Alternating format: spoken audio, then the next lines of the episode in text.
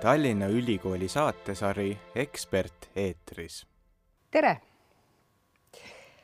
algab Ekspert eetris ja meie tänane külaline siin BFM-i stuudios on rahvastikuteadlane Luule Sakkeus, Eesti Demograafia Keskuse juhataja. tere tulemast! tervist! Luule, kas see, et äh, sind hiljuti pärjati kõrge riikliku autasuga, palju õnne veel kord selle eest, kas see on ka märk sellest, et äh, rahvastikuteadlaste, demograafide tööd on hakatud kuidagi kõrgemalt hindama? no vähemasti võib ehk öelda, et selle tunnustusega on Eesti rahvastikuteadus jõudnud kaardile. ja see on juba suur tunnustus, sest äh, see kolmkümmend viis aastat jah, täna me tähistame oma assotsiatsiooniga kolmkümmend viit aastat, millal me oleme neile probleemidele tähelepanu pööranud. ja ütleme sellise äh, väiksema rühmaga äh, samast ajast äh, ka teadustööd teinud. nii et midagi ehk on jõudnud ka ära teha.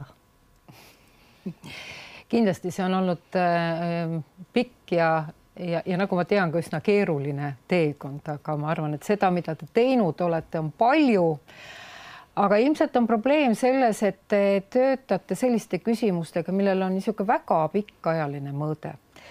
Et äh, enamus meist äh,, suures osas terve ühiskond tegeleb äh, tänaste probleemidega, ega, ega ei, võib-olla ei oskagi vaadata nii pikalt ette, aga aga enne kui me sellest edasi räägime head vaatajad, kui teil on luulele küsimusi, siis olge kena, kirjutage need chati ja ma luban, et ma loen nad siin ilusti ette ja, ja küllap luule kenasti ka vastab nendele. aga kui pikk on see periood? Kui me saame üldse oma rahvastikuprotsesse hinnata ja analüüsida, et kui pikalt me saame vaadata nii taha kui ka ette? no tahavaatamine sõltub eelkõige sellest, kui palju on meil andmeid säilinud. palju meil on? et äh, hea Hel-, Heldur Palli tegi äh, sellise ülevaate ajalooliste allikate olemasolust Eesti territooriumil omal ajal ja tema väitis, et enamik Eestit võib katta rahvastikuandmetega alates tuhande kaheksasaja kolmekümne neljandast aastast. nüüd äh, oleme siis äh, Äh, oma keskusega äh, viimasel ajal püüdnud äh, neid ajaloolisi andmeallikaid üha rohkem kasutusse tuua, sest noh, teatavasti on nad kõik käsitsi kirjutatud ja selleks, et see, millest midagi... sa räägid, on vanad kirikuraamatud, eks ju? ja uh -huh. need, aga erinevad ka hingeloendused.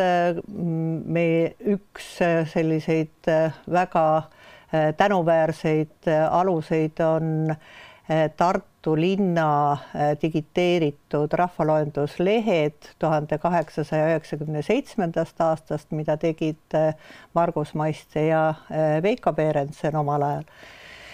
nii et sellega seondades on võimalik kirikuraamatutest juurde tuues andmeid päris palju öelda Eh, mis laadi rahvastikuga meil siis eh, vähemalt sada aastat tagasi tegemist oli, aga eh, tänases mm, meie uues toetuses Eesti Teadusagentuuri poolt lähevad ajaloodemograafid vaatama ka siis natukene varasemaid aegu.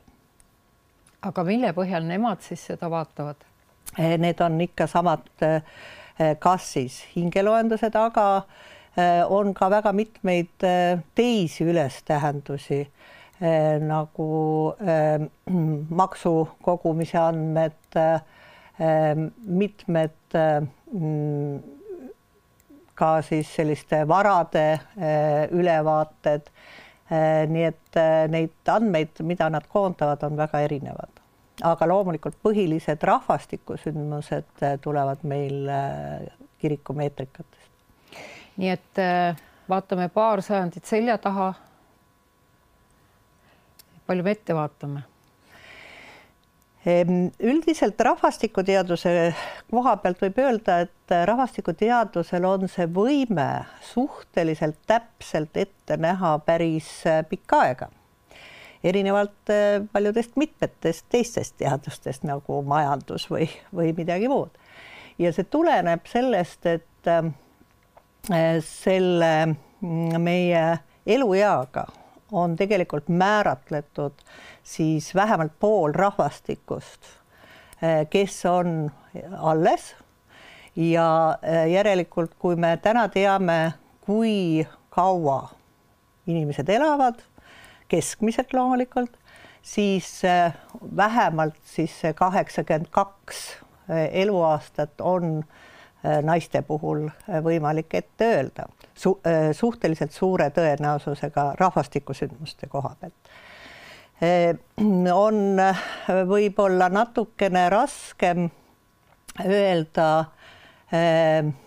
siis sellise sündimuse ja pereloome seisukohalt, sest need kipuvad olema sellised põlvkondlikud variatsioonid, et ja rahvastikuteaduses me põlvkonnaks loeme seda pikkust, kui vanalt keskmiselt sünnitatakse lapsi, ehk kui me täna siis sünnitame kahekümne üheksa aastaselt keskmiselt, siis noh, ütleme keskmiselt kahekümne üheksa aasta piires on käitumismalli võimalik suhteliselt täpselt ette ennustada, aga tavaliselt järgmine põlvkond käitub teistmoodi Eh, ka seda on võimalik erinevate stsenaariumitega loomulikult eh, samamoodi hinnata, et kas ta käitub siis natukene vähenevas suunas või kasvavas suunas, et neid siis on võimalik sinna juurde tekitada. aga tuleme tagasi selle eluea juurde, et kuivõrd prognoositav see ikkagi on, noh arvestades kasvõi praegu seda keerulist Covidi aega no võib igasuguseid asju juhtuda, et ähm, ja, ja, ja kas siis oli prognoositav, et see eluiga meil nii kiiresti kasvab, eks ju, et, et ta on ju sel sajandil päris jõudsalt kasvanud. no me olime vahepeal sellises augus, et, et sellisest august väljatulemist põhimõtteliselt on võimalik prognoosida. Ei ole võib-olla alati selge, millise kiirusega see toimub, aga tavaliselt on nii, et eh, kui on mingi mahajäämus ja eh, seda mahajäämust hakatakse ületama, siis eh, need protsessid nagu kiirenevad. et seda ei ole võib-olla aasta täpsusega võimalik hinnata, aga suuna mõttes siiski on võimalik välja tuua. Nüüd meil on just äh, plaanis sellel neljapäeval Oxfordi ülikooli kaasprofessori ettekanne, nii et tulge kõik kuulama. Ka see on avalik Zoomi loeng. et kes püüab aru saada üldse Euroopas praegu toimunud pandeemia mõjust nagu suremusele. Ja tema üks artikkel on juba avaldamisvalmis kust võis siis lugeda, et eh, ilmselt liigsuremus on tekkinud just viimaste kuude mõjul Eestis.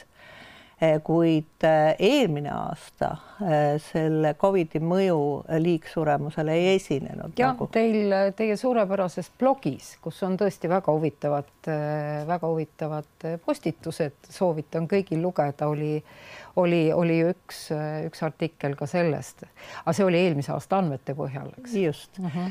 et ka seda kinnitavad siis võrdluses teiste Euroopa andmetega teiste teadlaste tehtu, nii et meie teadlased on tasemel, võib selle kohta ütelda. kui me selle Covidi juurde juba läksime, äh, äh, siis te olete analüüsinud ka seda, et et kuivõrd see näiteks võiks sündimust mõjutada, noh, on üsna levinud arvamus, et inimesed on nii palju kodus ja mis neil seal ikka teha, eks ju. et mingi aja pärast on meil rohkem beebisi.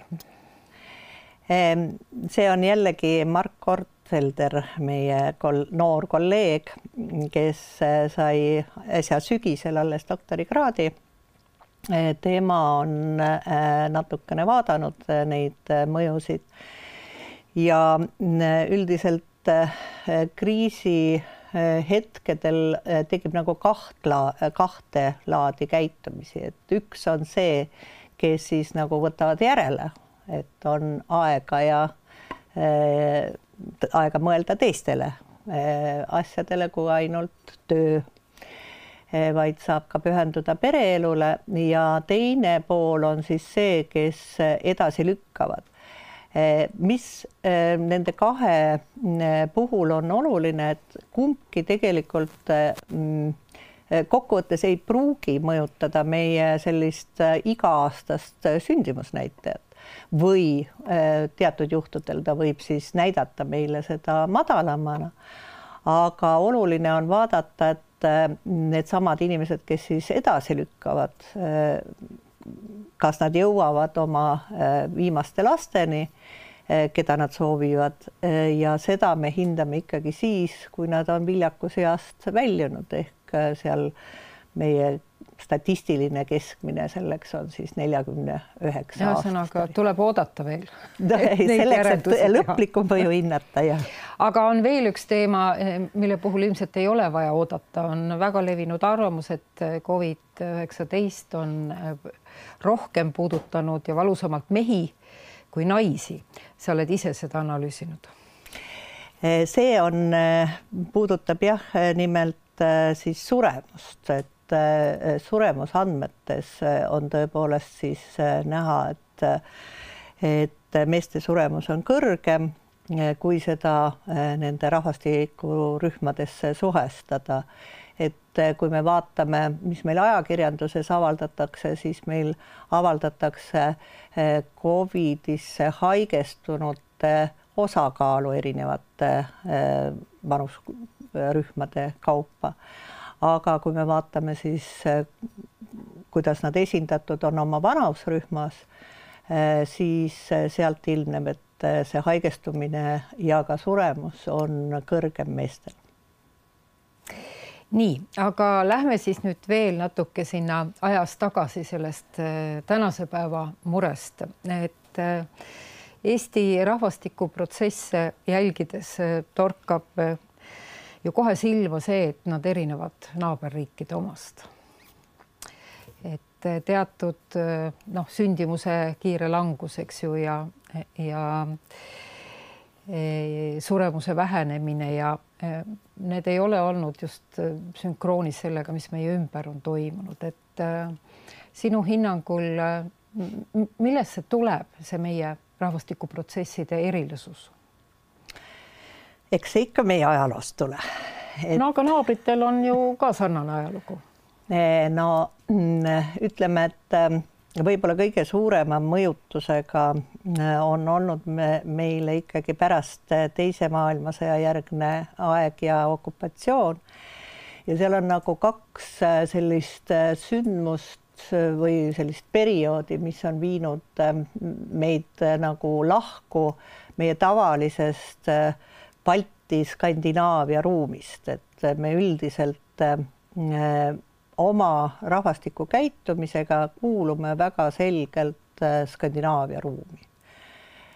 aga äh, mis siis ilmneb nagu rahvastikuprotsessides ja seda siis eelkõige just nimelt sündimuses ja suremuses.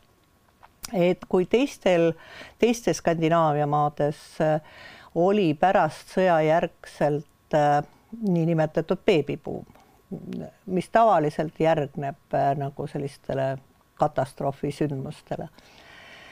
Ehm, siis Eestis see puudus ja me ei ole seda lõplikult äh, veel nagu jõudnud lahti seletada, aga kindlasti on siin siis osa mõjust sellel, et meie pärastsõjajärgne katastroof pikenes ja pikenes teatavasti siis küüditamiste ja muude repressioonide näol, mis paratamatult andsid siis signaali ka rahvastikule, et siin ei ole nagu väga ohutu järgnevat põlvkonda omada nüüd eh, erinevalt siis eh, teistest maadest sel ajal, kui nemad läksid oma sündimusega langusesse seal seitsmekümnendatel, meil toimus beebibuum.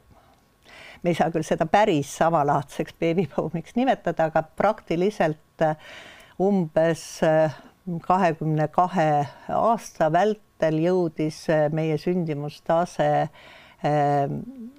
rahvastiku taastetasemeni, mis on siis kaks koma üks last äh, viljakas eas naise kohta. no et siis kolinal kohe jälle alla kukkuda ja, ja siis saabusid järjekordsed väga äh, heitlikud ajad, et mitte ainult, et see aegade heitlikkus mõjutab, vaid mis kaasnes veel siis selle Äh, ühiskonna transformatsiooniga oli ka valikuvõimaluste meeletu avardumine. ja äh, sellega kaasnes just nimelt siis põhiliselt see äh, sündide edasilükkamine, mida me üldiselt oleme ka näinud, et kui kohandada seda nagu siis äh, selle edasi lükatud äh, ajaga, äh, et me sünnitame lihtsalt vanemas eas, siis tegelikult see sündimus, mida me, me näeme iga-aastaselt, ei ole nii madal. kuigi sündimus on alla taastetaseme ju enamus Euroopa riikides, vist peaaegu kõigis. just nii, eks siis äh, meie võtame seda kuidagi ikka eriti valuliselt. et äh, ilmselt oma väiksuse tõttu, et teistel ilmselt selliseid eksistentsiaalseid äh, muresid ei ole, kuigi kunagi üks Islandi kolleeg ütles mulle, kui ma olin korduvalt öelnud väike Eesti ja väike Eesti, et jäta järele, sa ei teagi, mis asi on väike. just nimelt, et neid väikseid riike on veel ja üldiselt on äh, olnud äh, nii, et nendes väikestes riikides äh, ja võib-olla noh, mingiste, mingite eritingimustega riikides nagu Island või ka Iirimaa on kõrgem sündimus kui keskmiselt teistes Euroopa maades. ja see on üks selline mm, mina nimetan seda selliseks äh, rahvastiku alateadvuslikuks äh, instinktiks äh, püüda siis säiluda, kuid ka seal on viimastel aastatel näha sedasama trendi, et sündimus on hakanud kõvasti langema.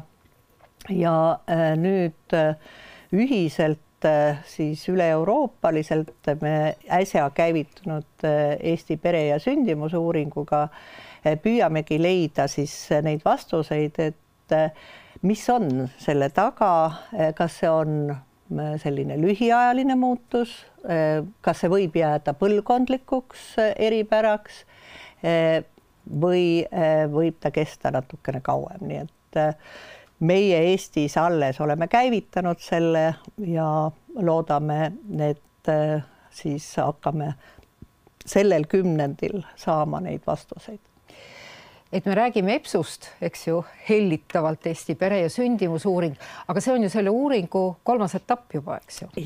et esimene oli aastal üheksakümmend neli ja tegelikult luule me ju sellest ajast eh, tunnemegi, mina olin siis teleajakirjanik, kui ma intervjueerisin luulet, kes valmistas parasjagu esimest EPSut ette, eks täpselt nii ja, ja teine oli siis aastal kaks tuhat neli ja nüüd on kolmas etapp. just ja ei läinud kahtekümmend aastat viimasest kolmandat saada äh,. mis on need kõige olulisemad küsimused, mida me peaksime sealt teada saama? no kindlasti ongi eh, see, et eh, mis on need kavatsused äh, pereloomes, kuidas äh, need pereloome mustrid, sest ka pereloome mustrid on, eks ole, ajas äh, väga sügavalt muutunud. me teatavasti enam ei astu registreeritud abiellu, enamik meie kooseludest on nii-öelda vabad teineteise nõusolekul keegi kolmas ei pea meile pitserit sellele peale panema. ja lisaks on üha suurem osa ka samasoolisi kooselusid. nii et see muster on tunduvalt laiem, kui me kunagi seda näinud oleme. ja e, meie see viimane kahe tuhande neljanda, viienda aasta uuring tõi esile, et tollastes kõige nooremates põlvkondades, kes olid siis sündinud seitsmekümne kaheksandal, kaheksakümne kolmandal aastal Eh, siis eh, nende puhul kõik esim-, üheksakümmend viis protsenti esimestest kooseludest sõlmiti juba vabaabieluna. Eh, nüüd selles voorus püüame me siis ka täpsemalt selle mm, aktiivse rahvastiku kohta, sest me küsitleme kaheksateist kuni viiekümne üheksa aastaseid inimesi teada saada, kui suur osakaal on siis samasoolistel eh, kooseludel. nii mehi kui naisi? nii mehi kui mm -hmm. naisi, jah. et eh, püüame siis seda teada saada. aga loomulikult ka nende erinevaid kavatsusi, kavatsusi üldse luua peret, kavatsusi saada lapsi, kavatsusi rännata ka nende elu ja töökarjääri, ehm, õppekarjääri, et sedalaadi küsimused aitavad siis mõista, eh, mis on need tegurid, eh, mis aitavad kaasa pereloomes eas olevate inimeste ehm, siis eh, nende kavade realiseerimisel ja mis võivad takistuseks olla. et ehm, lisaks on loomulikult sellele Covidi ajastule omaselt äh, ka äh, üks plokk äh, küsimusi, mis püüavad aru saada, kuidas nende elukorraldus on muutunud siis selle Covidi ajal. nii et see, need küsitletavad on meil iga kolme aasta tagant nagu uuesti küsitletavad. see tähendab, et täna me Eh, esitame kahekümne esimesel aastal neile küsimused eh, ja vot eh, nüüd nad räägivad oma kavatsustest, soovidest. aga kolme aasta pärast me tuleme nende juurde tagasi ja küsime siis, et mis saanud on. jah, kas need on realiseeritud, ei ole realiseeritud, mis siis segas ja veel sealt edasi kolme aasta pärast ehk kaks tuhat kakskümmend seitse, kui me leiame muidugi riigi poolt toetuse, kahjuks ilma selleta meil seda võimalik teha ei ole, aga siis me saame eh, jällegi teada, et kas see edasilükkamine on hõlmanud kolme aastat või kuut aastat näiteks. oot-oot, Luule, aga siis see tähendab, et enne kuskil kahe tuhande kolmekümnendat aastast me ei saagi vastuseid või? ei, me saame kindlasti äh, kahe tuhande kahekümne esimesel läbi viidud äh, uuringu kohta äh, juba esmased tulemused ja olukorra kaardistuse ja ülevaate kahekümne teisel aastal, nii et järgmine aasta kindlasti on sellest juba põhjust rääkida, aga on tõsi, et kavatsuste realiseerumist me küll ei saa nojah, me saame eh, ilmselt siis teada, et kui, kui palju on seekord neid inimesi, kes, eh, noori inimesi, kes peavad oluliseks ka seda, et eesti rahvas, keel ja kultuur säiliks. et eh, nendest varasematest uuringutest tuli välja, et igasugu isiklike motiivide kõrval oli ikkagi pooled nimetasid ka seda väga olulisena see vist natuke eristab meid ka teistest et ma kujutan no. ette, et ühe, ühe suure rahva noorel esindajal Eh, ilmselt mure niimoodi rahva ja riigi püsimise pärast eh, ei, ei ole nii kõrgel kohal see on kindlasti väikerahvastele just iseloomulik, nii nagu ma mainisin, et needsamad Iirimaa ja Island on selles osas meiega väga ühes paadis. Eh, ja küsitletakse, mismoodi, vanasti oli ankeet ja käidi kodus?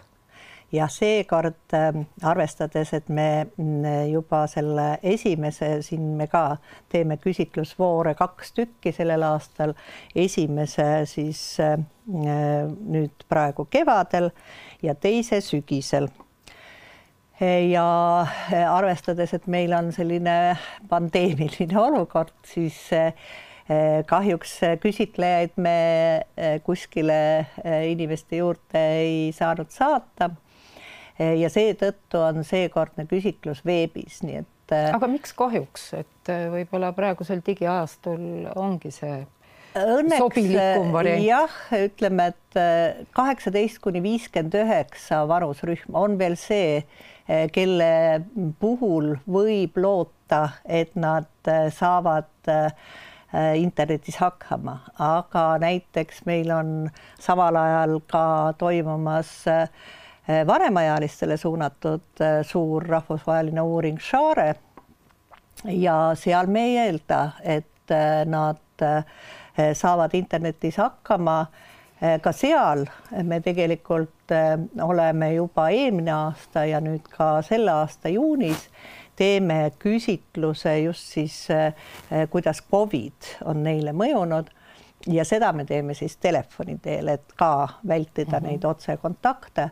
Aga kui jällegi meie mm, selline majanduslik olukord saab kuidagi lahenduse, siis sügisest äh, tahame loota, et äh, ehk see pandeemia on taandunud ja nende juurde me läheme arvutitega, küsitlejatega. no nii, jõudsimegi sujuvalt äh, meie rahvastiku ühe peamise probleemi, madalsündimuse, selle juurest äh, eakate inimeste juurde, noh, iseenesest eh, kõrge iga ei ole probleem, väga tore, et me kõik kauem individuaalselt elame, aga, aga eakate hulk eh, riigi vaates eh, kas tekitab teatud, teatud probleeme? Päris kindlasti, aga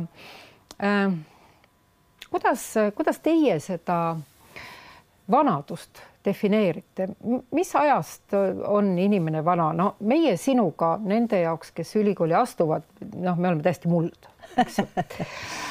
Aga, aga minu meelest on nagu põnev olnud vaadata, kuidas meie eluajal, ma räägin, meie, me oleme üheealised, eks ju, et et kuidas see vanaduse mõiste on, on kogu aeg nagu muutunud ja, ja natuke nagu eest ära läinud no vanadusel teatavasti jah, ei ole äh, piire või, või ei saa tegelikult. no aga äh, rahvastikuteadlasena te peate ju kuidagi ja, defineerima. ja siis meil on äh, erinevad võimalused, et tõepoolest on täiesti erinev, milline on meie bioloogiline vanus, see ei pruugi üldse kattuda sellega, mis on meie siis kalendrivanus samuti sotsiaalne vanus, et kuidas me ühiskonnas hakkama saame, ka need on väga erinevad aga meie kasutame kindlasti statistilist vanust ja siis eh, see on selline kokkuleppeline, aga ka ajas muutuv. Muide, arvestades siis selle vanema osa eh, nii tervise kui aktiivsuse kasvu. Ja kui me alustasime teatavasti üheksakümnendate lõpul, tegime me juba ühe eh, sellise väikese kokkuvõtte rahvastiku vananemisest Eestis. ja siis me olime ka eh, osalised ühes ÜRO eh, poolt eh, mm, juhitud projektis, kus siis selleks definitsiooniks, millest alates nagu arvestada, millal see vanemaealine on, siis oli nagu kuuskümmend aastat. Ja kusjuures ka selles uuringus me tegelikult alustasime vaatamist äh, alates viiekümne aastastest, et näha, äh, kuidas see muutumine siis äh, toimub erinevates vanusrühmades. nüüd selle ajaga sealt üheksakümnendatest ausalt öelda vist ma arvan, et pärast seda võib-olla kümne aasta pärast juba oli täiesti selge, et Ähm, kuuskümmend ei ole mingisugune statistiline isegi mitte vanemaks inimeseks arvamise piir. ja sealt edasi on siis arvestatud kuuekümne viie aastastega. ja nüüd me näeme ette üldiselt, et äh, selline staatiline piir äh, muutub varsti ilmselt seitsmekümneks. aga rahvastikuteadlased on äh, Eh, püüdnud siis leida ka selliseid eh, rohkem dünaamilisi versioone, eh, kuidas seda vanust hinnata. ja kindlasti on see väljakutse Statistikaametitele, nii et korraliselt nad esialgu seda ei tee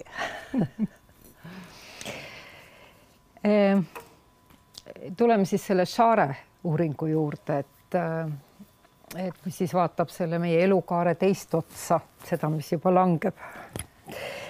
Ma ei ütleks, et ta langeb, langeb., kindlasti mitte no, no ka, siis ta ei ole kaar, kui me räägime elukaarest, siis kaar peab ikka kuidagi, kuidagi tõus ja langus olema. nojah, et lõpus ootab meid küll üks, üks sündmus, see on tõsi aga mis, mis sind selle juures on kõige rohkem huvitanud, millised küsimused?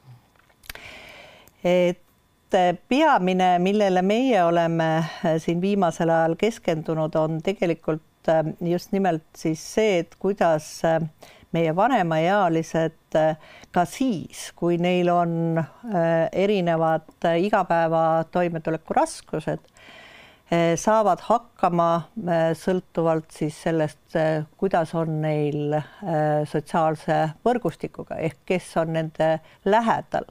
Ja ka kas on nii, et noh, me teame omast käestki, et mida vanemaks me saame, seda rohkem meie sõpru-tuttavaid kaovad meie ümbert aga et kas on nii, et need kaovad ja siis äh, enam juurde ei tulegi, et öeldakse ju, et sõprus on eluaegne. Ja tavaliselt äh, me siis äh, selle sinna sotsiaalvõrgustikku arvame kõige lähedasemad sõbrad ja loomulikult siis ka need sugulased, kes on ilmselt need, kes meid igal ajahetkel tingimusteta saavad toetada. Aga sõprade puhul ja ka nende lähedaste puhul me näeme, et eh, toimub selline mm, eh, võrgustiku sisenemine ja lahkumine, et see ei ole sugugi selline staatiline protsess ja seda jällegi võimaldab meil vaadata see, et ka Share on eh, see selline jätku-uuring, et iga kahe aasta tagant me küsitleme neid samu vanemaealisi ja nii me näeme, mis siis nende elus on iga kahe aasta tagant muutunud, eh, mis eh, ka sealhulgas siis nendes sotsiaalvõrgustikes. ja kindlasti on seal siis hästi oluline jällegi esile tuua, et tundub nii, et Äh, kui me oleme jõudnud sinna vanemasse ikka, äh, siis on meestel äh, nende lähedaste ja võrgustike hoidmisega suuremad probleemid kui naistel. Ja ütleme siis vanemas eas on haavatavaks rühmaks just nimelt mehed, mitte naised. olgugi, et naised on võib-olla haigemad, toime, suuremate toimetulekuraskustega aga nad suudavad kaasata ka uusi inimesi oma võrgustikku ja selle võrra siis nad, neid ei taba see üksilduse tunne, mis tihtipeale on aluseks järgnevate haiguste tekkel. Et kui sa ütled, et uurite neid sotsiaalseid võrgustikke, siis noh, mulle tuleb kohe silma ette Facebook, kus teatavasti äh, kasvab just kõige kiiremini vanemaealiste hulk, noored lähevad teistele platvormidele ja järjest rohkem on seal vanemaealisi. kas te seda ka uurite, et, et kuidas need moodsad sotsiaalsed äh, võrgustikud töötavad selles eagrupis? meie siin Eestis ei ole nii väga olnud seotud nende uurimistega, aga tõepoolest demograafid uurivad mm -hmm. ka nende uute platvormide toimimist ja sealtkaudu siis äh, nende mõju ka erinevatele demograafilistele sündmustele. Nii äh, ja nüüd ma vaatan, siin on tulnud kaks küsimust. Äh, milline on Eesti rahvastikuteaduse olukord täna ja milline võiks olla kümne aasta pärast ideaalis? ja kolm asja, mis selle ideaalolukorra saavutamiseks vaja oleks oleme no, tagasi esi... seal, kus me alustasime kui me räägime rahvastikuteadusest, siis rahvastikuteaduse aluseks on objektiivsed andmed, et see on alati äh, esimene. seda ma olen kuskil kuulnud, vist, vist juba siis, kui me esimest korda kohtusime. karta on et äh, ilma nendeta me tõepoolest ei oska, meie ei suuda rahvastikupõhiselt ehk siis äh, kogu rahvastikku hõlmavalt kõiki olulisi rühmi kaasavalt hinnata, millised on need protsessid ja selle tõttu meie esimene murekoht on ja jääb, eh, kuidas selliseid üleriiklikke suuri eh, andmekogumistaristuid eh, on võimalik rahastada riiklikul tasemel. me ei ole seda lahendanud.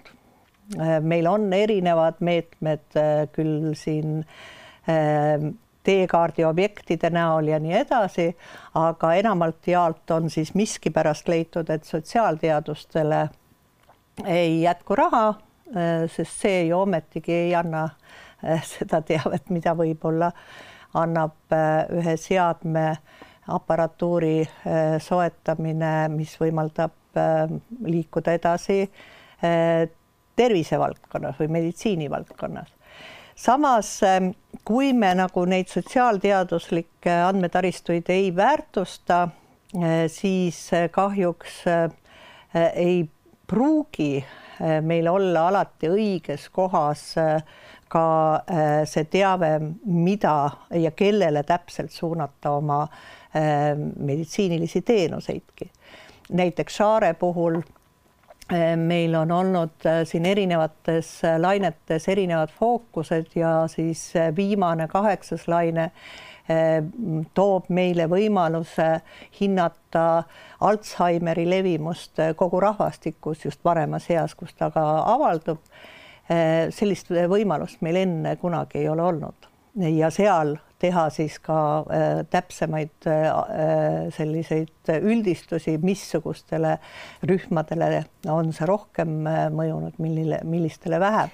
Või see uus üheksas laine, mida me nüüd sügisel peaksime käiku lükkama, uurib meie kognitiivseid võimekusi, et on öeldud või arvatud, et meie kognitiivsed võimekused vanusega vähenevad aga tegelikkuses äh, on see tihtipeale seotud sellega, kuivõrd me toetame oma aktiivset tegevust ja on ka leitud, et need, kes on aktiivselt tegevuses, nende kognitiivne võimekus ei lange vanemas eas mitte karvavõrdki.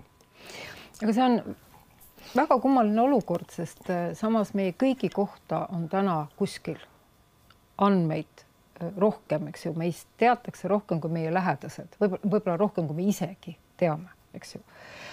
Ehm, Facebook, äh, seesama mm, oskab vastata meie kohta rohkematele küsimustele ilmselt kui meie elukaaslased, eks ju. Ja, ja samas kogu sel vaatamata sellele digitaliseeritusele, eks ju, uutele tehnoloogiatele me räägime, et meil ei ole ikkagi andmeid ehm meil ei ole objektiivseid andmeid, mis ja seostatud andmeid, just nimelt nad peavad olema nagu erinevad eluvaldkonnad seostatud meie eluteel toimunud erinevate sündmustega. Me loome hetkel küll meie registri andmetest ka sellist longituudset rahvastiku andmebaasi, mis võimaldab jälgida tõepoolest siis, kuidas erinevad elusündmused ajas kulgevad erinevates rahvastikurühmades, kuid sellest jääb siis puudu just nimelt meie enda arvamus, mida me sellest arvame, meie soovid, kuivõrd me näeme seal jah, mingit realiseeritust, aga me ei tea, kas nad on seda soovinud või mhm. mitte. et Äh, küsitlusuuringud on äh, just väärt selle tõttu, et seal lisaks äh, sellele, et meil on objektiivsed elusündmused kajastatud, on ka meie enda arusaam, kuidas me oleme näinud, et need mhm. suhted peaksid toimima, võiksid toimida ja mis meid on seganud, seda me ei tea muidu, kui me ei küsi. Mhm. niisiis andmed, aga ikkagi kümne aasta pärast kindlasti mm, ma loodan, et ähm, meie rahvastikuteaduse tervis on ähm, teadlaste mõttes sama hea kui täna. et väikese rahvana kahjuks me teadusmaailmas ei saa väga spetsialiseeruda. et me tavaliselt, eks ole sa saad teadusmaailmas nagu kõrgele positsioonile siis, kui sa mm, noh, väga sügavuti lähed ühe teemaga. Eesti rahvastikuteadlastena on meie eelis aga see, et me oskamegi öelda kõigi erinevate rahvastikuprotsesside kohta peaaegu kõik mhm. võrdväärselt, sest me ei saa endale lubada, et, et me täielikult spetsialiseerume ühele teemale. et alustasin ma eh, oma teadlaskarjääri hoopiski ju rändeteemadel nii, aga nüüd on küsimus on ka äh, migratsiooni kohta, et et eh, kas migratsioonipoliitika loomisel on võetud ja võetakse arvesse demograafide uurimistulemusi, millisel viisil, on teil häid näiteid ehm,? ilmselt on erinevaid eh, uuringuid, mille eh, mõju on siis ka arvestatud, aga mm, mulle tundub, et meie mm, rändepoliitika ei ole väga teaduspõhisel alusel äh, seni toiminud. Ähm, loodetavasti saab ka seda paremaks äh, timmida, kuid äh, siin ma ütleks veel kord, et jällegi puuduvad andmed, korralikud andmed. et kui me, me täna lahendame siin probleemi elukoha definitsiooniga, et kus me elame mm. -hmm. kui me ikkagi ei tea, kus äh, inimesed elavad, millisesse regiooni nad panustavad tegelikult oma aktiivsuses, rahaliselt panustavad tihtipeale teise kui mm -hmm. selles, äh, kus nad tegelikult äh, aktiivselt toimetavad ehk ressursse ka kulutavad et just sedalaadi küsimusi püüame me praegu ühes suuremas RITA projektis lahata, aga seal on ka näiteks mm, püüame me aru saada, et kuidas rändeandmed üldse meil täna statistikas kajastuvad. Ja selleks me oleme palunud siis hinnata mm, Statistikaameti poolt välja töötatud residentsusindeksit kuid kahjuks oleme me põrkunud äh, arusaamatule äh, barjäärile tänases maailmas, et äh, neid andmeid ei ole neil võimalik väljastada. kuidas me siis tegelikult saame teha üldse mingisugust ähm, sellist teaduspõhist ka mm, alust, mida poliitikud saaksid üldse oma otsustuseks aluseks võtta no ma saan aru, et see vana, nüüd juba ikka, ikka, ikka väga vana elukoha probleem, eks ju, on ka suur väljakutse seoses rahvaloendusega, aga ma, me ei jõua enam rahvaloendusest rääkida, aga ma küsiksin ära veel ühe küsimuse, mis on tulnud. aitäh küsijatele. Milline on vanemaealiste olukord Eestis, no see on nüüd väga lai, aga millised on suurimad väljakutsed ja, ja millega ollakse enim rahul? kas saaks tulla, tuua ka Saarest mõne üllatava tulemuse, mõne üllatava ja soovitavalt positiivsem ja eh, Eesti vanemaealised on eh, ühed Euroopa haritumad ja see on tegelikult meie potentsiaal. see tähendab seda, et me võtame teadmisi vastu, ükskõik kui vanad me oleme, ehk ei tasu karta, et et äh, meie vanemale ealistele ei peaks äh, andma äh, tõeseid teadmispõhiseid andmeid neile kätte. Ja teine asi, et nad on võimelised koolituma. See tähendab, et ja meil on probleemid, me äh, ei ole, meie tervis on halb, aga see on ka kumuleerunud äh, siin viimase seitsmekümne aasta jooksul meie internetikasutus on halb, aga seda kõike saab koolitada. on parandatav just nimelt, et eh, kahjuks meie strateegiad, eh, olgu haridus või ka siis, eh, mis puudutab infotehnoloogia arengut, ei näe ette, et nad võtaksid spetsiifiliselt just vanemaealised harida interneti kasutuse osas, samas on riigil seda täna väga vaja. no ma arvan, et sellest Covidi juhtumist nüüd, eks ju, kus riik üritas nendega interneti teel suhelda ja ei tulnud mitte midagi välja, loodetavasti midagi ka õpitakse, et vähemalt nii palju oli sellest kasu. vähemalt koolitada tuleks ja, aga suur aitäh, Luule, meie aeg on läbi, me võiks ilmselt väga pikalt rääkida.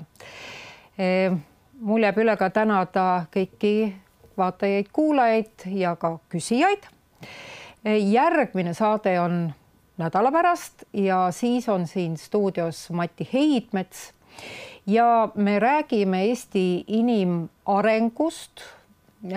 noh, tegelikult on ajendiks see, et eh, Eesti inimarengu aruanne tähistas siis oma kahekümne viiendat aastapäeva ja ma muuseas vaatasin ka, et luule on väga kõvasti panustanud alates esimesest EIA-st üheksakümne viiendal, kaks tuhat kaheksa, kaks tuhat kaksteist, kolmteist ja seesama eh, migratsiooniteema kaks tuhat kuusteist, seitseteist. sellel EIA-l eh, ehk Eesti inimarengu aruandel on olnud üsna, üsna suur roll, aga sellest me räägime juba järgmises saates, aga veel enne. Eh, üks hetk, ärge veel minge ära kuna luulel on paari päeva pärast üks äh, päris tähtis sünnipäev, siis äh, tahan ma meie poolt sind õnnitleda. ei ole sa tänatud. välistada ei saa. seda küll ei osanud oodata, aitäh. ja kohtume siis nädala pärast